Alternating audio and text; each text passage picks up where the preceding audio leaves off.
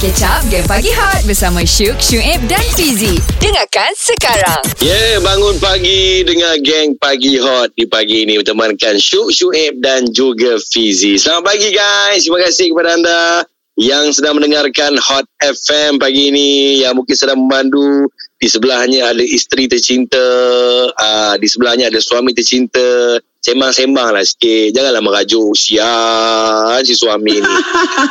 tak boleh guys. Aku kalau cerita bab-bab merajuk ni lagi-lagi Hmm. bini lah kalau kau kalau kawan aku tak heran sangat kalau bab bini ni Oi bendanya aku paling tak suka lah sebab aku nak kongsi Betul. cerita dengan korang ni. Ada satu cerita ni berlaku kat luar negara berlaku dekat New York tau. Okey. seorang lelaki ni terpaksa dia menderita eh uh, hampir lebih setahun. Gara-gara dia tersilap cakap dul Dia cakap apa? Bini dia ni merajuk lebih setahun sebab ada satu hari tu dia pergi makan dekat satu Okey. restoran Ah, makan-makan lepas tu pelayan ah, pelayan restoran tu lah wanita jadi pelayan tu dia dia punya fashion tu pelik tau dia botak Okey. dia Hmm. rambut perempuan tapi botak tapi Okey. lelaki tu lah dia cakap dia cakap dengan perempuan tu dia cakap Uh, saya cuma kag- berasa kagum lah melihat kepala uh, botak pelayan wanita tersebut. Uh, lalu bertanya lah dekat perempuan tu. Uh, dia tanya Hmm. macam gini. Uh, dia cakap, katanya perempuan tu eh. Dia cakap, uh, apa ke dia cakap ni? Dia cakap Ah, putih, dia- kan? dia- putih kan? dia, dia, dia cakap, tapi dia, dia kalau aku translate dalam macam Melayu lah. Hmm. Okey, dia cakap, uh, adakah awak ni sengaja memilih fashion botak? Ah, tu perempuan tu cakap, ya. Ah, lepas tu dia pun cakap, dia pun balas dia cakap, eh, uh, awak ni seorang yang berani dan tetap kelihatan cantik lah walaupun botak. Lepas tu, puji depan bini dia. iya, lepas tu bini Oh. dia merajuk setahun lebih engkau tahu tak? Eh, iyalah Dul. Setahun lebih. Ah. Bini Ya. kita Dul, bini kita memang paling pantang lah Dul. Kalau puji perempuan lain depan dia. Takkanlah itu pun tak tahu. Kadang-kadang tak perasan Nul Kita niat kita ni tak ada apa-apa Niat kita ni nak, Hmm. nak puji je Sekali kau perempuan betul take note Habis Kau pernah jadi macam itu ke? Benar Dul, kejap lagi aku cerita. Ah, okey pagi ni guys, kami nak tanya semua pendengar-pendengar kita lah kan. Ah, isteri anda uh, jealous tak kalau anda puji orang lain di depan dia? Hot FM Music paling hangat Paling hangat Selamat pagi, good morning. Terima kasih kepada anda yang sedang mendengarkan Hot FM sambil memujuk pasangan masing-masing. Maklumlah tengah merajuknya. Okey guys, pagi ni kami geng Pagi Hot uh, nak tanya anda. Uh, ini khas untuk uh, para suami yang sedang mendengarkan Hot FM. Isteri anda jealous tak kalau tiba-tiba anda puji wanita lain di hadapan isteri anda? Ha. Ah, sebab Ji pagi tadi Ji kita ada kongsikan satu cerita berlaku dekat New York. Okey, Hmm. ah, laki lelaki ni dia tersilap, dia terpuji seorang pelayan restoran dan dia Hmm. punya musib dia, dia punya musibah dia dah setahun lebih bini dia merajuk, tak nak bercakap, tak nak apa dengan dia. Hoi, bukan maksudnya bukan Alamak. benda kecil lah. Benda ni maksudnya besar eh pada wanita eh. Memang ah. sensitif tu eh kau ni. Takkanlah kau tak pernah rasa Dul. Aku sendiri pun pernah kena macam tu Dul. Tapi tak adalah maju Hmm. sampai setahun. Apa yang apa yang kau buat? Aku ada sekali tu. Uh, aku hantarlah anak aku pergi taska. Okey. Uh, aku hantar anak aku pergi taska. Lepas tu kebetulan dekat area perumahan aku yang lama dulu ada seorang Mhm. perempuan janda lah. Okey, okey, okey, Abang okey. pilih yang mana? Mana? Perawan atau janda? Janda tu pula uh, anak dia bersekolah di taska yang sama dengan aku. Bukan sama dengan aku, Okey. sama dengan anak aku lah. Oh, so, alright, alright. ada uh, ada sekali tu aku aku ternampak lah yang uh, perempuan tu dia hantar tiga orang anak dia. Lepas tu kau bayangkan seorang anak kecil dia gendong, dua orang lagi dia pegang tangan, dia hantar, lepas tu dia sambung, dia pergi kerja. Jadi kebetulan aku cakap aku cakap uh, eh yang cuba tengok si Polan tu. Uh, takkan aku tak nak share lah nama dia eh. Oh, Pandai. Pandai dia hidup berdikari eh. Aku Mm-mm. puji Fu je Dol. Pandai Eh, duduk berdikari. Dia sebenarnya bila kau cakap pandai hidup berdikari tu bini kau dah fikir kau nak jaga dia. Itu yang kau Ya silap. Dol, itulah Kau yang ni pun. Dia tanya aku, habis tu kenapa? Kalau dia tak pandai, kau nak tolong jaga kan? Macam tu. Dah bergaduh. Ah, Punca Dol. Punca. Lepas tu aku balik rumah, aku yang hidup berdikari Dol. Masak sendiri, basuh baju sendiri. Cantik.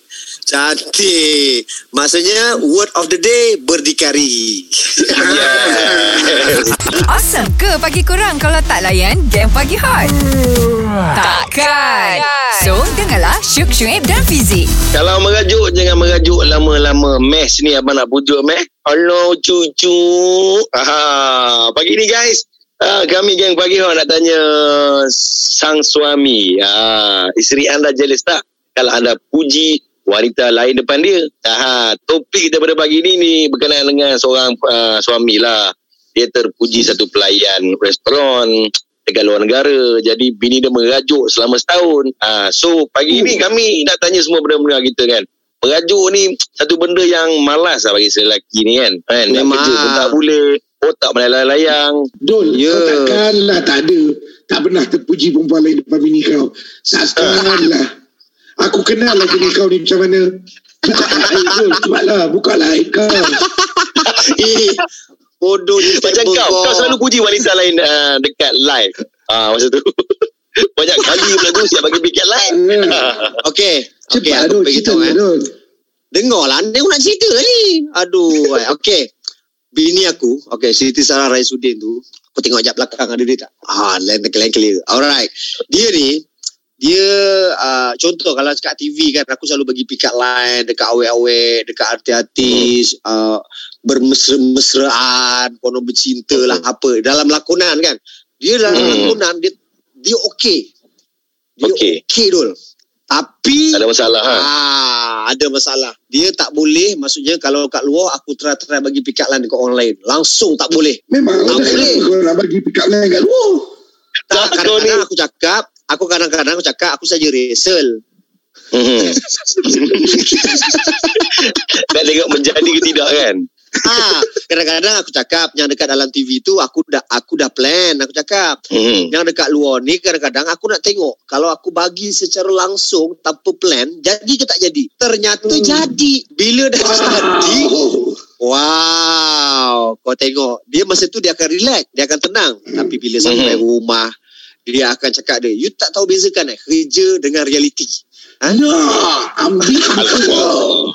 Alamak. Dia cakap, I dah bagi lesen dekat you, you nak bagi pick up line ke, nak puji perempuan ke, dekat dalam TV, Ah. ha, dalam radio, ha, itu dah kira okey. Ini apa saya you nak bagi pick up line dekat orang jumpa-jumpa tepi jalan ni? Ha? Dekat Ah. orang sebelah-sebelah kereta. Aku cakap rasa dia tak terima, dia tak terima. Memang lah. Dia pernah betul. kata kau buat dia pun marah. Aku pun marah kalau aku tiba-tiba uh, apa nama kau tiba-tiba buka tikap. Eh awak tahu tak apa beza awak dengan uh, bunga?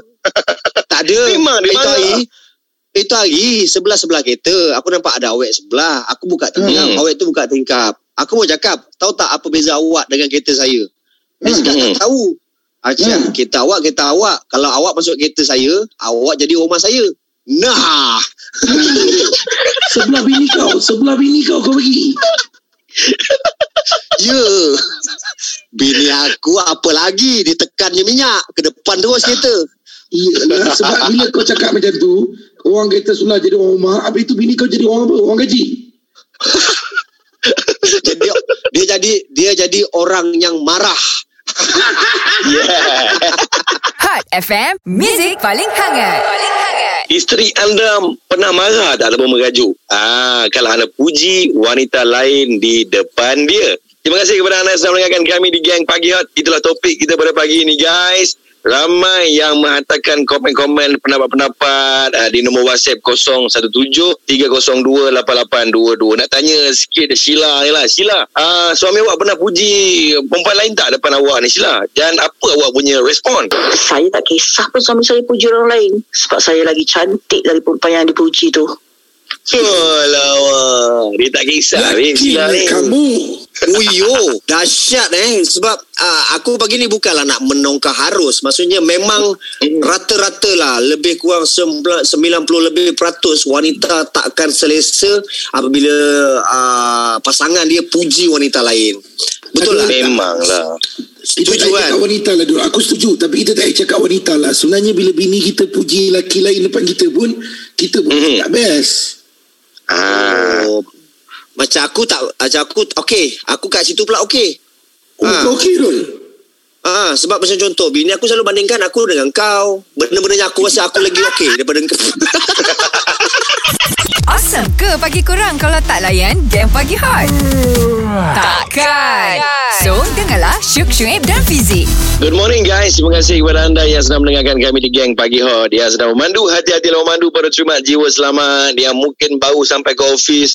Otak tengah pening sebab bini merajuk. Alamak. Sebab itulah kami pada pada pagi ni uh, nak bertanya semua suami-suami lah ya. Uh, isteri anda jealous tak? Kalau anda puji wanita lain di depan mereka.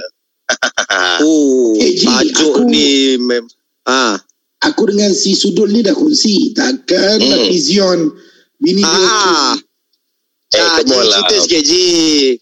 Ya isteri aku ni eh, seperti kebanyakan wanita-wanita yang lain di Malaysia ni, di dunia ni kan. Bini mana yang okey kalau tiba-tiba kita puji perempuan lain di depan dia. Memang aku Hmm. yang masak kejap lagi. Hang pernah kenal macam mana Ji?